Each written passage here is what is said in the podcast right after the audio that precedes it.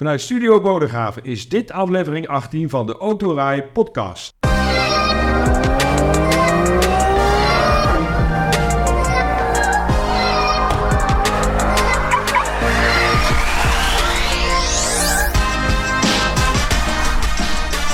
De Autorij podcast is de talkshow over auto's. Autonieuws, actualiteit, alles over auto's en mobiliteit direct of indirect verbonden met auto's. Deze week uh, drie mensen aan tafel. Uh, naast mij zit Nile van Leeuwen, redacteur van autorij.nl, vaste gast. Welkom Nile. En tegenover uh, hem zit een echte gast die hier voor de eerste keer is. Fons Nijkraken, PR-manager bij BYD van de Lauwman Groep. Uh, ben je daar al lang, uh, Fons? Uh, sinds april dit jaar. Dus ja, we zijn natuurlijk met Lauwman zijn we november, oktober vorig jaar zijn we begonnen. En in april ben ik aangesloten. Ja. ja. En loopt het lekker? Het loopt, het loopt heel lekker, ja. ja, ja. Daar gaan we het straks heel uitgebreid over hebben, over jouw merk. Hebben we al eerder gedaan hier, maar er zijn weer nieuwe ontwikkelingen en nieuwe modellen en nieuwe verhalen. Ook over de Lauwman groep. maar eerst gaan we naar het belangrijkste auto-nieuwsje en dan kijk ik je altijd aan. Want die weet alles van, uh, van het nieuws. En uh, ja, er is wel spectaculair nieuws. Want uh, van een heel groot merk, BMW, is er weer wat nieuws gelanceerd. Er is weer wat nieuws geïntroduceerd, ja. En dat is ook best wel een opvallende auto. ditmaal hebben we het over de nieuwe BMW X2. nou, de vorige, of de huidige BMW X2, die werd in 2018 gelanceerd. Maar was altijd wel een beetje een buitenbeentje. Leek toch een beetje op een BMW 1-serie, maar dan net even wat hoger op zijn wielen. Is echt een crossover, weet je wel, een beetje identiteitsprobleempje van ja, wat, wat ben ik nou eigenlijk? Echt een daverend succes is het nooit echt geweest. Nou, nu hebben we de volledig nieuwe X2, maar dat is dan weer ja, eigenlijk een totaal ander concept. Maar tegelijkertijd ook een heel bekend concept, want um, deze auto is gewoon ja, in feite grotendeels hetzelfde als de BMW X1, die we al langer kennen. Maar het is dan, de X2 heeft dan een coupé-achtige daklijn. En daarmee is het in feite gewoon hetzelfde recept als de BMW X4 en de BMW X6, die we al veel langer kennen. Uh, dus die. Maar dit is als de X5, dat is echt meer een SUV. Ja. ja, en dat is dus in dit geval hetzelfde met uh, de X1 en de X2. Dus de X1 is echt meer een SUV, maar dan de compactste die ze hebben. En dan is die X2 in principe hetzelfde, maar dan heeft hij een aflopende daklijn en een net even wat sportievere uitstraling. Maar dat betekent wel dat die, hè, die nieuwe X2 daarmee ook wel weer behoorlijk slag groter geworden is ten opzichte van zijn voorganger. En is die hybride of niet? Of wel, uh, nee. Alleen, uh, brandstof? Nou, je, kan, uh, je kunt ze in eerste instantie bestellen, kun je hem krijgen met keuze uit twee benzineversies en een diesel. Maar ook uiteraard als een volledig elektrische iX2 met volledig elektrische aandrijving. Oh, meteen gelanceerd, ja. Meteen gelanceerd. Maar goed, we kennen ook inmiddels al de iX1. He, dus eigenlijk, dat probeerde ik net te vertellen, er zijn, ondanks het feit dat het een volledig nieuwe auto is, zijn er niet zo heel veel verrassingen, want heel veel techniek, ook het interieur, eh, BMW Curve Display, beeldschermen, het infotainment system is in feite al bekend van de X1. Nou is de X1 trouwens razend populair. Ik weet niet, ja, niet dat ik er per se heel erg op let, maar ik zie ze de laatste tijd wel heel, heel veel rijden. Dus um, ik denk dat ze met deze X2 ook wel weer toch wel weer... Um... Ja, het is iets duurder natuurlijk dan ik zijn, aan, aan het cijfer te zien. Maar heb je prijs al of niet? Prijs heb ik ook. Hij begint bij 52.340 euro. Voor dat bedrag krijg je een S-Drive 20i met een 1,5 liter drie-cilinder benzinemotor. Dan zou je misschien denken, huh? ja. een BMW met een drie-cilinder. Ja, dat, klopt. maar het is een loopt, loopt het wel mooi. Nou ja, 170 pk. Dat is niet verkeerd voor een drie-cilinder. Ik heb die motor trouwens een tijdje geleden... Er zit er een turbo op. Zeker. Ja, ja. Het is eigenlijk een halve zescilinder, zo kan je het ook zien. nee, maar ik moet je eerlijk toegeven, ik heb die motor uh, een paar jaar geleden in een BMW 3-serie gereden... in combinatie met zo'n 8-traps automaat. Ja, dat reed echt verrassend goed. Dat, heeft, het zit in je hoofd van ja, een drie-cilinder, dus het zal tegenvallen, maar dat is niet, echt niet zo. Nee, het is een enorm doorontwikkeld dan. Zeker weten. Maar goed, het uh, belangrijkste denk ik toch uh, is de iX2, volledig elektrisch. Uh, het lease-segment, dat is natuurlijk, BMW is natuurlijk een lease-merk.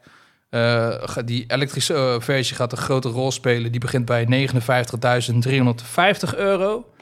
Uh, dan krijg je een 313 pk sterke versie met een 65 kilowattuur batterij en een actieradius tot 449 kilometer. Oké, nou dat zijn behoorlijke prijzen. als je hem nu bestelt, dan kun je ongeveer ja, maart arriveren de eerste exemplaren. Dus. Nu we het toch over geld hebben, uh, want we hebben, uh, vroeger hadden we de wegenbelasting, daarna werd het de motorrijtuigenbelasting en uh, er wordt elke keer gemompeld over betalen naar gebruik. Dat is dan weer een hele andere vorm van belasting. daar heb je ook wat nieuws over. Ja, klopt. Nou, we hebben het eerder een paar podcasts geleden hebben we het erover gehad. Betalen naar gebruik, ja, dat is iets wat ze vanuit, ja, vanuit de overheid, vanuit het kabinet, eigenlijk een lang gekoesterde wens. Meer betalen naar gebruik dan betalen voor bezit. Nou ja, als je kijkt naar die eh, krankzinnige eh, accijns, brandstof, betalen we natuurlijk al uh, grotendeels naar gebruik. Alleen het deel wegenbelasting, dat is gewoon een vast bedrag wat je per maand of per jaar betaalt, ongeacht wat je met die auto doet. Dus nou, daar willen we vanaf. Dus wegenbelasting zal uiteindelijk, volgens de, de huidige plannen, verdwijnt wegenbelasting. En daarmee, in plaats daarvan komt een, ja, een kilometerprijs. Dus dan betaal je per kilometer. Ja. Nou, dus, dus zijn, die plannen zijn al natuurlijk jarenlang in de maak. Nu is er een grootschalig onderzoek geweest, een parlementaire verkenning. En is nu uiteindelijk een 68 pagina tellend rapport verschenen. Waarin dus uh, ja, allemaal conclusies uh, uh, in staan. allerlei onderzoeken zijn gedaan. ik ga niet 68 pagina's door, maar... Nou, nee, nee, dat niet eens. Dit gaat echt over Vanuitgaande over de haalbaarheid, maar ook uh, in hoeverre en, en wat zijn dus de kosten. Nou, één ding wilde ik eruit halen. En dat is dat we ongeveer rekening kunnen houden met een kilometer kilometertarief van 7 cent. 7 cent per kilometer. dat is dus waar we dus ongeveer... Ja. ja, dat is eh, dat was mijn eerste gedachte dus ook. dus ik ben ook gaan rekenen. Dat is niet meer afhankelijk van het gewicht dan? Iedereen betaalt Nee, dat is gewoon per kilometer. Of je nou in een tank rijdt van uh, dik veel voor kilo of een klein stadsautootje... Je betaalt dus gewoon per kilometer. Maar wel diesel benzine, toch? Onderscheid. Ook niet? Nou, kijk, dit... Um, nee, voor, vooralsnog niet. Oké. Ook elektrisch. Uh, dat deel wat, wat in die kilometervergoeding terechtkomt, dat weten we nog niet. Uh, maar in ieder geval uit het rapport... Uh, een hoofdconclusie is dat je ongeveer... het gaat wel richting die 7 cent. Ik verwacht dat het hoger wordt, misschien wel 8. Maar als je dus gewoon die 7 cent even als uitgangspunt neemt en je rijdt 10.000 kilometer per jaar, dan kost je dat 700 euro per jaar. En dat is 58 euro en 33 cent per maand. Nou, stel dat je nou 30.000 kilometer rijdt, dan ben je 175 euro per maand kwijt. Ja. ja. Dus het is echt... Ik vergelijken met mijn eigen auto. Nou ja, ja, dat is wel leuk dat je dat zegt. Ja. Dat heb ik namelijk ook gedaan. Nou. En? Mijn eigen privéauto uh, weegt 1435 kilo. Ik woon in de provincie Zuid-Holland. En dat betekent dat ik per maand 73 euro aan wegenbelasting betaal. Als je dat dus verrekent met die 7 cent, dan kom je uit op uh, een jaarkilometrage van 12.500. Dus uh, voor die 7 cent zit ik zeg maar, mag ik 12.500 kilometer per jaar rijden. En zou je, zou je, dat redden nu of niet? Nou, ik denk, nee, ik zit er, bo ik zit er wel boven. Oké, ja. ja. Dus, dus, dat, dus dat zou betekenen dat het voor mij, in mijn situatie met mijn huis, dat is dus uiteindelijk waar ik naartoe wilde, uh, betekent dat het autorijden voor mij dus duurder gaat worden. Ja. ja. In mijn geval. Uh, als je een heel klein, uh, een, een, relatief licht stadsautootje rijdt van ja, pak weg 1000, ergens tussen de 1000 en 1100 kilo, ja, dan ga je echt meer betalen. Want dat is gewoon.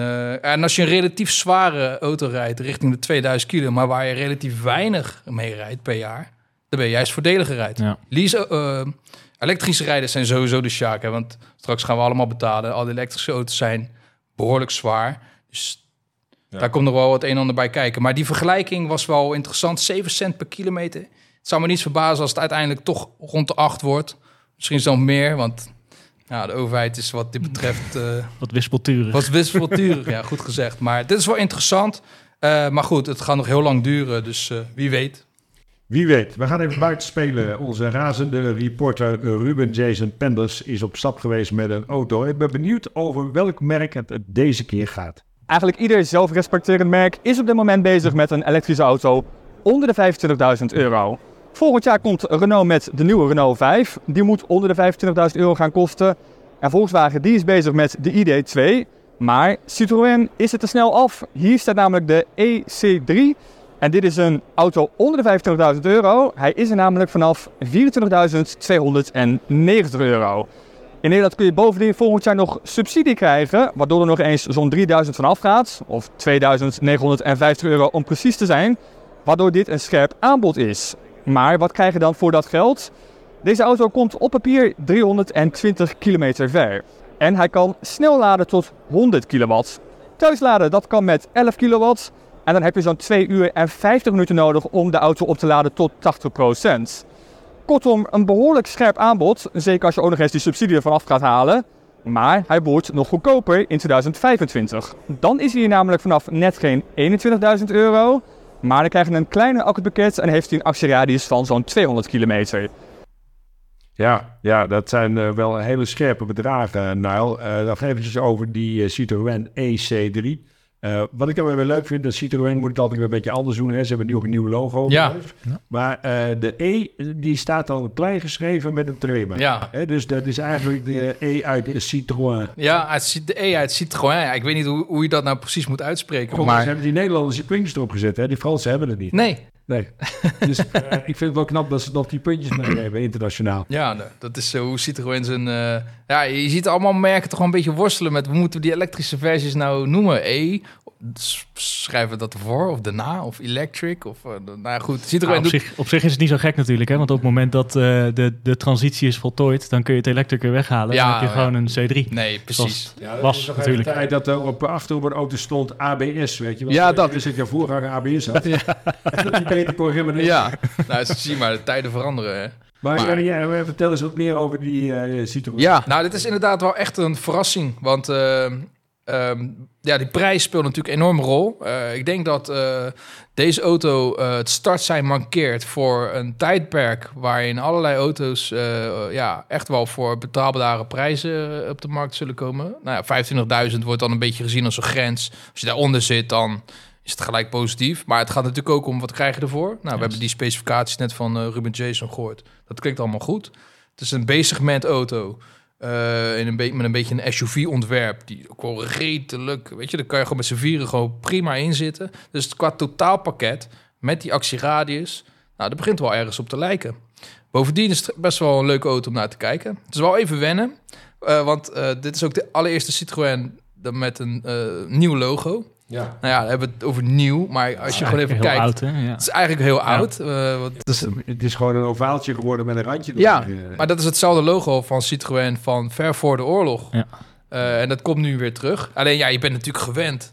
Je hebt een bepaald beeld in je hoofd van de hoe, neus van de Citroën. Maar dat, dat is vanaf nu wordt dat dus anders. Uh, dat is echt wel een leuke auto. Maar ook, kijk, Citroën hoort bij de Stellantis uh, groep. Dat is een groot, uh, enorme autoconcern. Uh, dit platform, deze basis met deze techniek, batterij, et cetera. Ja, daar gaan zeker nog zes andere modellen komen die van diezelfde techniek gebruik uh, zullen maken. Waar, uh, en dan van twee verschillende merken. Nou, ik denk dat dat Opel en Fiat zullen worden. Ik denk dat dat de nieuwe Crossland en de nieuwe Fiat Panda gaan worden. Dus die is eigenlijk heel vergelijkbaar ten opzichte van die EC3 natuurlijk wel met een heel ander sausje. Maar ja, wel auto's die met een vergelijkbare prijs straks uh, zullen worden aangeboden. En dan, ja, prijsoorlog is iets wat we al vaker... Uh, ja, ik wil het geen prijsoorlog noemen, maar weet je, het is toch wel heel veel gaande. Van wanneer komt nou die auto die echt betaalbaar is? Nou, BYD Dolphin is, ja, uh, is daar ja. ook een auto die uh, op dat gebied heel erg meespeelt. Die gaat ook meedoen inderdaad. maar het is gewoon een ontzettend interessante auto. Hij komt in het tweede kwartaal van 2024. En als laatste, Citroën belooft dat dit de comfortabelste auto in bezig met wordt. Wauw. Ja. ja. Dus, nou, we zullen zien. Ja, we zullen zien. Mooi nieuws. Um, we hebben het heel veel in uh, deze podcast over uh, uh, vormen van aandrijving, over brandstof en met name ook over elektrische auto's. Maar er is nog een andere brandstof die nog niet zo vaak ter sprake is gekomen. Eén keer geloof ik, hè, met die jongens van de, van de Ja. En dat is waterstof. Waterstof. En nu is het zo dat er ook wordt mee, er wordt al mee geraced, maar nu ook in een rally, de Dakar Rally. Ja. Vertel eens, een waterstofauto in de Dakar Rally. Ja. Is dat wat? Nou, dat, uh, dat gaan we zien. Eerstvolgende Dakar Rally, eerste week van januari gaat hij van start in Saudi-Arabië weer. Uh, dus dus een, uh, een, uh, zeg maar een samenwerkingsverband van meerdere merken, waaronder Toyota, Suzuki, Kawasaki, Yamaha en Honda. Dat zijn allemaal Japanse merken, Japanse fabrikanten. Um, Japanse merken die ja, zien veel meer toekomst in waterstof eigenlijk dan, dan alle andere merken. En wat ze dus gaan doen is, ze hebben een auto, race, rallyauto uh, ontwikkeld. Een zogeheten SSV. Dus het is geen echte auto, dus meer is heel compact. Dus echt wel een aparte klasse in die Dakar Rally. De Dakar Rally is de zwaarste rally ooit. Heel compact, lijkt een beetje op een buggy. Het is een beetje een mix tussen een buggy en een quad, maar dan wel met een vast dak. Uh, maar die motor is gewoon heel interessant. Het is namelijk een uh, 1 liter 4 cilinder motorfiets motor ja. die erin ligt. Maar die draait dus op waterstof. En dit is dus geen fuelcel, geen brandstofcel principe, maar er wordt dus gewoon waterstof direct in die, brand, in die verbrandingsmotor geïnjecteerd, precies zoals een benzinemotor. Ja, ja. Nou, op het moment dat je ermee gaat racen, dat gebeurt natuurlijk vaak, maar zeker in zo'n loodzware Dakar rally met die temperaturen in de Sahara, in de, de, de woestijn, et cetera.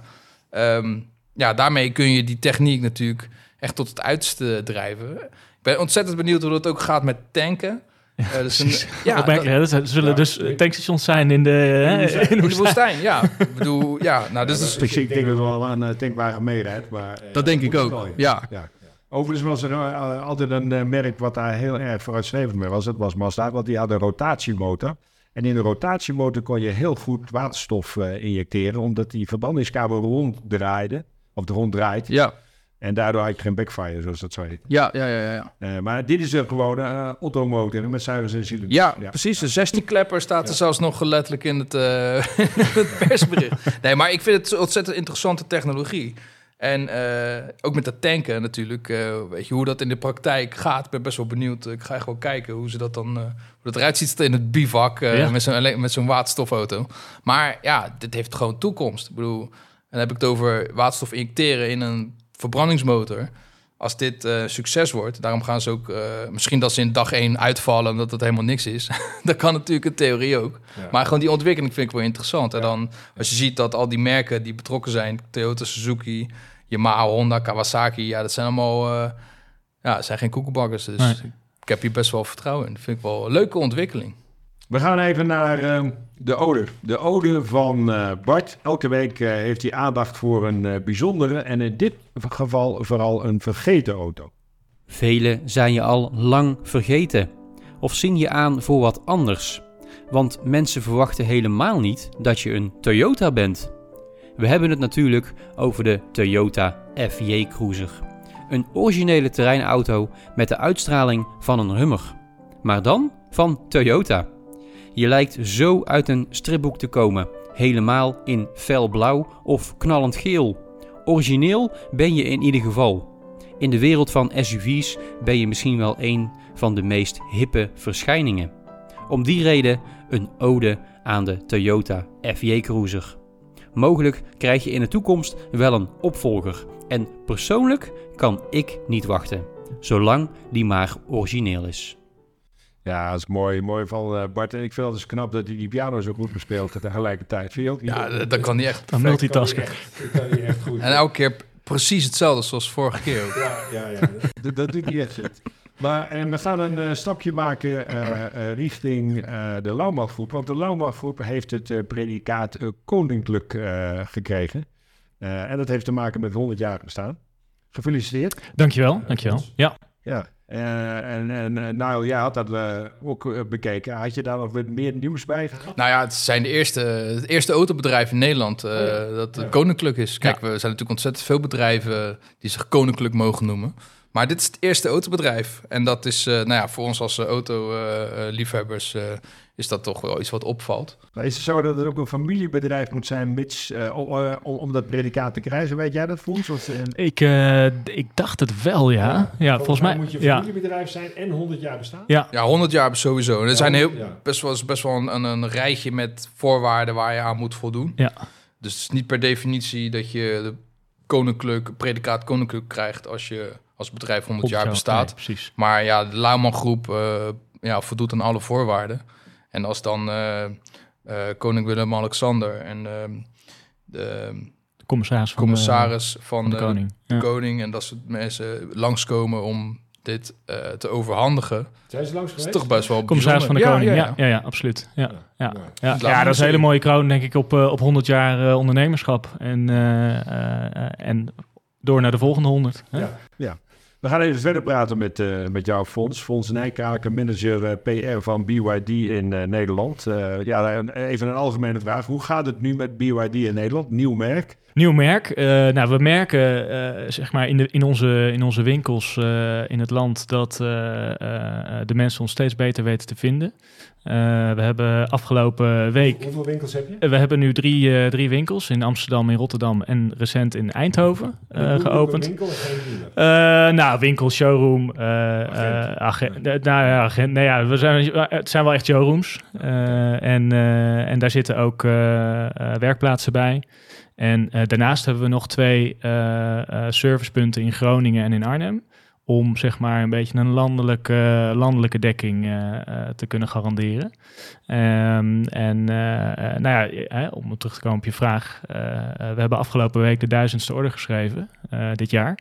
Dus eh, daar zijn we hartstikke content mee. Dat is een mooi Ja, ja. ja. Want Nederland is wel een belangrijke markt, denk ik dan, voor BYD. Op basis van het feit dat ook het Europees hoofdkantoor hier staat. Ja, klopt. Het hoofdkantoor eh, eh, staat hier ook al een jaar of twintig uit mijn hoofd. En zijn natuurlijk ooit begonnen, ja, iedereen kent, neem ik aan, het, het verhaal van BYD dat eh, eh, be- begonnen als batterijbouwer. En eh, in die hoedanigheid zijn ze ook, eh, eh, hebben ze eigenlijk hun eerste overzeese kantoor in, eh, in, in Europa, in, in Rotterdam gevestigd. En ehm, eh, daarna hebben ze dat, op dat vlak hebben ze zich ontwikkeld. En eh, zijn ze de auto's bij gaan doen. Eh, ja, en nou, ja, de auto's, dat is bekend. Dat is natuurlijk eh, van recenter dat we, dat we daar gestart zijn. Eh, dus eh, ja, dat is een hartstikke mooie toevoeging aan het, eh, aan het palet wat BYD hè, naast de automotive al levert. Dus eh, batterijoplossingen, solarsystemen, maar ook bussen, eh, bussen, vrachtwagens, BYD, eh, elektrische bussen rijden. Klopt, klopt. Ja, je kunt, ja, je kunt het zo gek niet bedenken of eh, eh, ze bouwen het wel. En, eh, en daarnaast bouwen ze ook onwijs veel componenten. Hè? Dus de helft van de iPads wordt door BYD in elkaar gezet. Eén op de vijf smartphones in de wereld. Nou ja, ik kan nog wel even doorgaan. Maar dat geeft een beetje de schaal aan waarin het bedrijf zich bevindt. En dat het ook niet alleen automotive is wat ze doen. En Dus, hoe groot is BYD in, in China als je het vergelijkt daar met andere concerns of merken? Als je kijkt op automotive gebied, dan zijn ze puur elektrisch, zijn ze verreweg de grootste. Ehm, eh, en en laten ze de concurrentie echt ver achter zich. Ehm, ze, ze hebben nou, nu tot en met september hier te date, eh, hebben ze ruim een eh, miljoen auto's of 2 miljoen auto's gebouwd. En ja, dat gaat zo hard iedere maand. Dat is ongelooflijk. Als je ziet die aantallen, vooral nog in China, maar ook overzee zien we nu veel meer eh, expansie, zeg maar. Onder andere naar Europa, maar ook naar andere markten. In Afrika, in, eh, in, in andere delen van Zuidoost-Azië. Eh, maar ook Zuid-Amerika, waar Mhm. ze op het moment, of waar ze recent bekend hebben gemaakt, dat ze een fabriek gaan bouwen in Brazilië. En, en BYD hoopt eh, dit jaar nog bekend te maken ook waar ze een eh, productiefaciliteit in Europa gaan bouwen. Dus dat is ook heel interessant. En eh, eh, ja, daar wachten we allemaal met smart op. Ja. Ja. Nou, om je een voorbeeld te geven, dat eh, kwam ik vorige week had ik dat eh, meegekregen. Dat, eh, BYD is nu officieel de top 10 binnengedrongen van grootste autofabrikant in de wereld. Oké. Dus als je gewoon de top 10, gro- heb ik het Ja, ja. wel over automerken, niet over niet per groep. Eh, dus twee jaar geleden stond BYD niet eens in de top 20. Dus het gaat Ze hebben echt een enorme... ongelooflijk ja, hard ja, wat ze met dat hebben echt- merk gebeurt. Ja, ze hebben echt een enorme sprong gemaakt. En, en eh, die sprong kunnen ze ook maken door, omdat ze, hè, eh, de- nou, A, natuurlijk de batterijen zelf, zelf bouwen. Maar ook dus alle componenten die in de auto zitten, bouwen ze allemaal zelf. Dus ze zijn helemaal niet afhankelijk van eh, toeleveranciers. Hè, eh, ehm, eh, dus dat geeft ze een ontzettende voorsprong op, op de rest eigenlijk. En, en dan zie je dat ze in alle segmenten aanwezig willen zijn. Binnen de automotive. over de modellen, want uh, Nou ja, uh, uh, hier, welke segmenten zit je en welke modellen? hier in Nederland uh, hebben we, of begint het nu met, uh, met de Dolphin. Dat is een C-segment hatchback. Uh, en die, die begint net onder de 30.000 euro op 29,900. Even voor uh, de luisteraar die die segmenten niet zo kent. Dat is categorie Volkswagen Golf. Uh, ja, ja, en als je het, uh, en als je het zeg maar uh, in het, meer in het huidige palet zou zien, een beetje meer ID3-achtig. Ja. beide elektrisch. En dan zie je dat, dat we daar een, ja, een hele aantrekkelijke propositie hebben. en, dan, en, en dat je mensen veel kunt bieden voor een, uh, voor een concurrerende prijs. Ja, en die concurrerende prijs, ja precies. En dat, heel, veel, merken, ja. nou, heel veel mensen roepen altijd van ja, Chinezen zijn goedkoop, Chinezen zijn goedkoop. Maar uh, A, ik denk niet dat we zo goedkoop zijn. En B, we kunnen wel scherp zijn, maar dat heeft ermee te maken dat we dus al die componenten zelf in eigen huis ontwikkelen en ja. bouwen. En dat geeft je gewoon een, een voorsprong naar de rest. C-segment hebben we nu gehad? Ja, dan uh, zit daarboven zit de Atto 3. Dat is een, uh, C-segment SUV, is dat ook. Okay. Uh, en nou ja, dan hebben we het over alle auto's, zeg Dolphin en, en, en Atto. maximale range tussen 420 en 430 kilometer. Um, dan zit daarboven zit, de Seal, die komt eraan. Die, komt, nou, die, die verwachten we ergens deze maand in de showroom. Dus komt, komt alle kijken, zou ik zeggen. Dat is een D-segment, dat kun je vergelijken met een Tesla Model 3. Ja. Um, uh, en dan hebben we daarboven hebben we nog twee, hebben we een Han en een Tang. Uh, E-segmenten zijn dat. De, de, Tang is een 7-sits SUV en de Han is een, uh, is een E-segment sedan. Dat kan je een beetje vergelijken met een Model S. Ja. en, nou ja, en we verwachten voor komend jaar verwachten we de Seal U. en dat is eigenlijk de hoge variant, dus een SUV van de Seal. Uh, waren het niet dat het twee totaal verschillende auto's zijn, want uh, uh, de Seal U, de U for Utility, die staat hoog op zijn poten, heeft, is anders gemotoriseerd dan de, dan de Seal. Dus ehm, de naam, hoewel de naam doet vermoeden dat ze wat van elkaar weg zouden hebben, qua uiterlijk doen ze dat, maar qua techniek aan boord is de Seal U wel echt een comfortabele gezins-SUV. En eventjes de prijsrange van jullie modellen dan, van de allergoedkoopste in het C-segment tot de duurste in het E-segment? Ja, nou dat is uh, de, de allergoedkoopste Dolphin, dus die kost 29,99. Ja, ga door. En uh, de, uh, de allerduurste, de, de, de Han, zeg maar, hè, de, ja. waar, ik het, waar we het over hadden, die zit op 70.000 euro, de Han in de tang. Dus uh, ja, dan heb je van, van eigenlijk 30 tot, uh, tot 70.000 euro heb je een range. En uh, nou ja, voor de CLU weten we nog geen prijzen. maar ja, die zal ook weer concurrerend in de markt worden gezet. Ik denk dat dat een voordeel is. Een van de redenen waarom BYD ook zo groeit, is dat BYD niet nadrukkelijk in het premium segment nee. Probeert, uh, zich probeert in te mengen. Er zijn verschillende andere Chinese merken die ook recentelijk naar Europa zijn gekomen, maar die zitten allemaal in dat dure segment. Ja.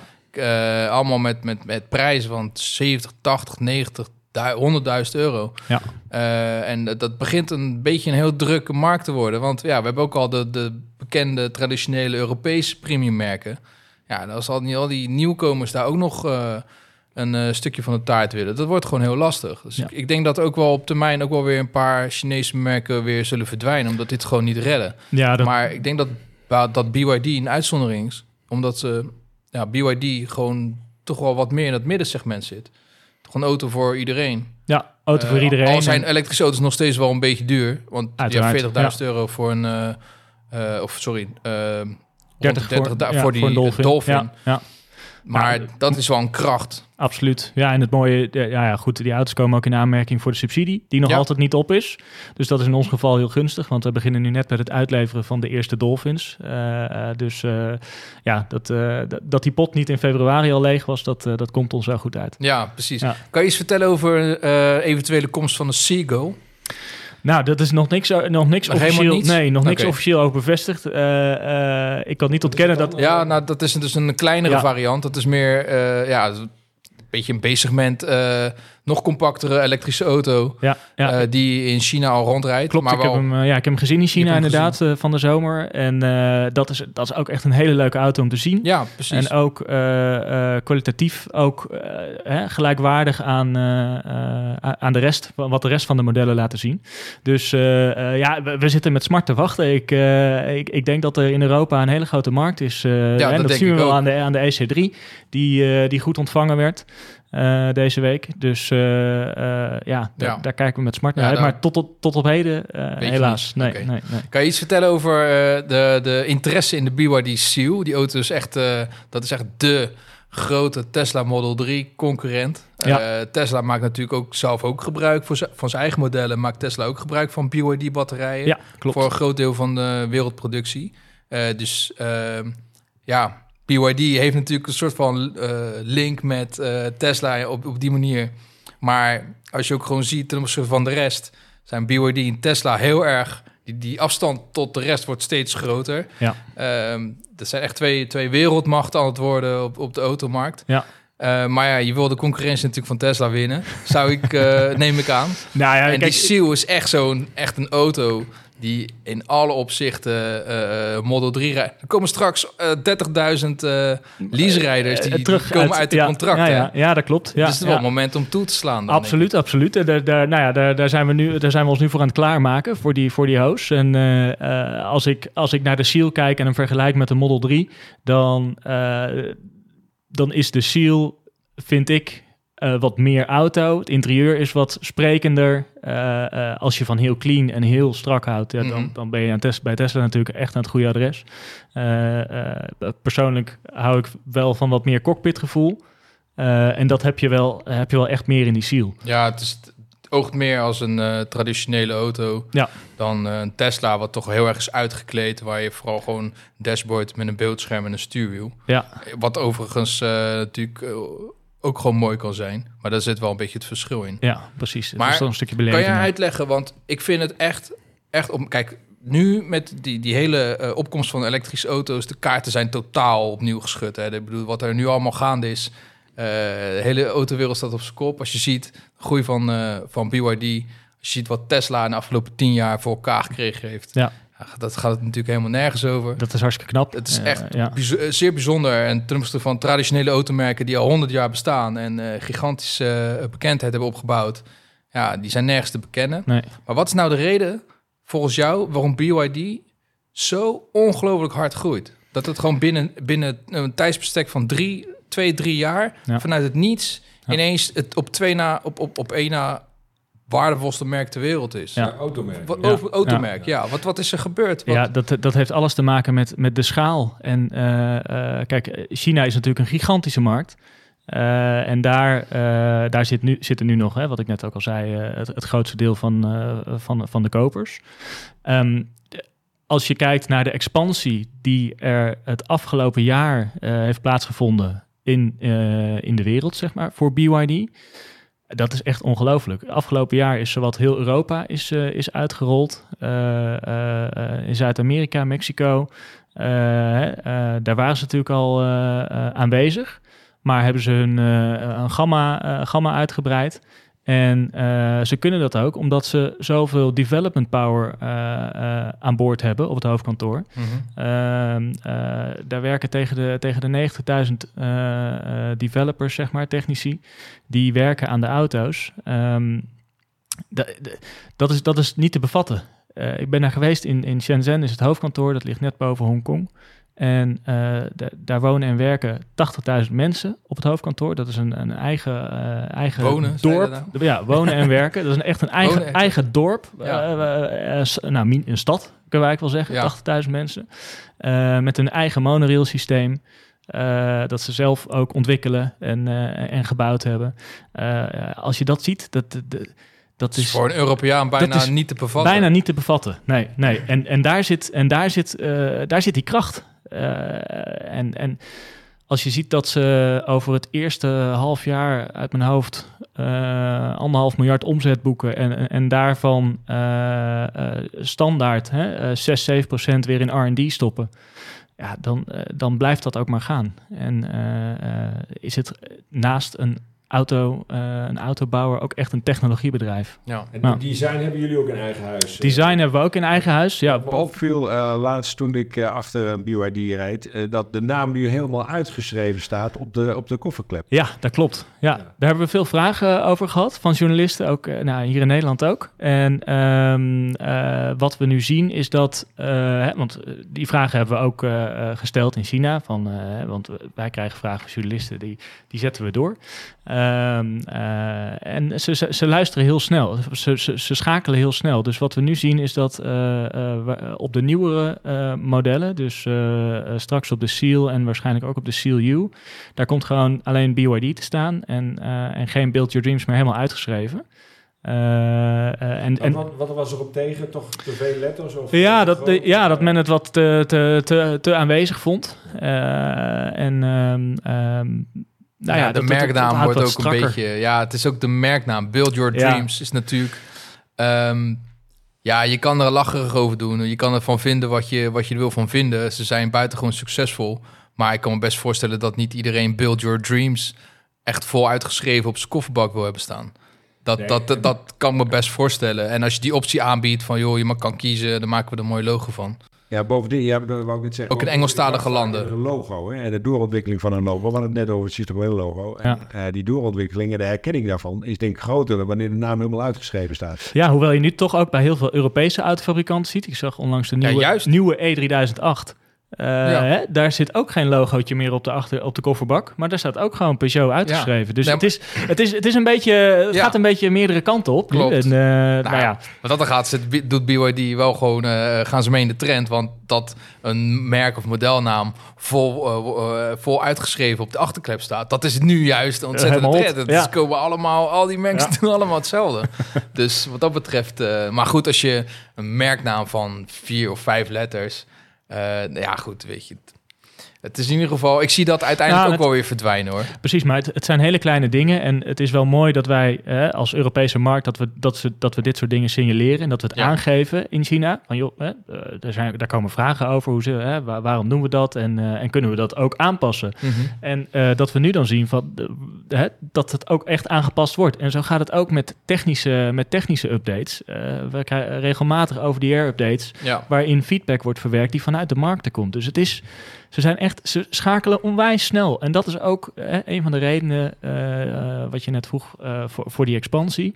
Omdat ze zo snel schakelen. Ze zitten er bovenop. Dat is ook een van de redenen dat Lauman met BYD eh, in zee gegaan is. Ja. Of andersom. Ja.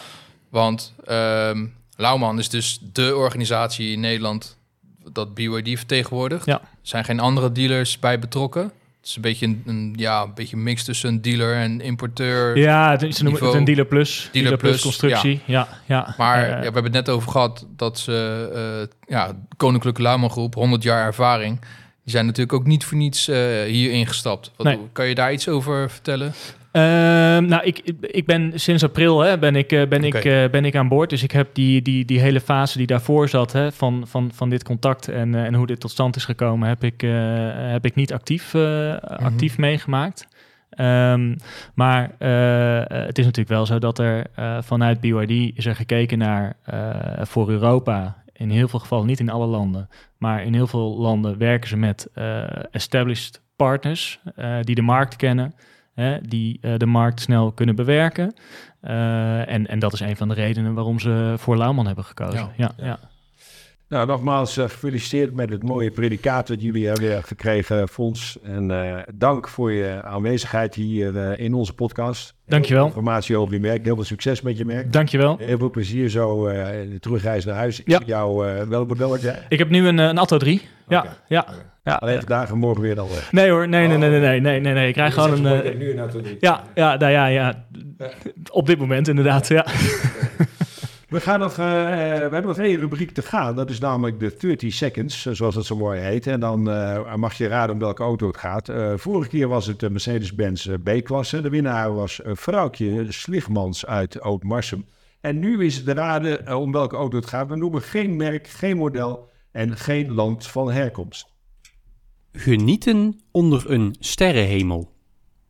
De grootste diamant ooit gevonden.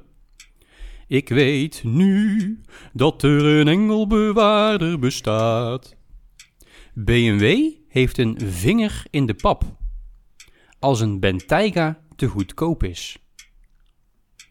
Ja, op het moment dat Bart gaat zingen, dan moet je al kijken. Nou, maar, eh, Ja. Het is wel weer een heel mooi mysterieus. Ja, dus, eh, zeker weten. Als je het, eh, het goede antwoord weet, stuur het naar podcast.autorij.nl. Volg ons op autorij.nl op de site, Facebook, Instagram, YouTube. Of laat een review achter op je favori- favoriete podcast app.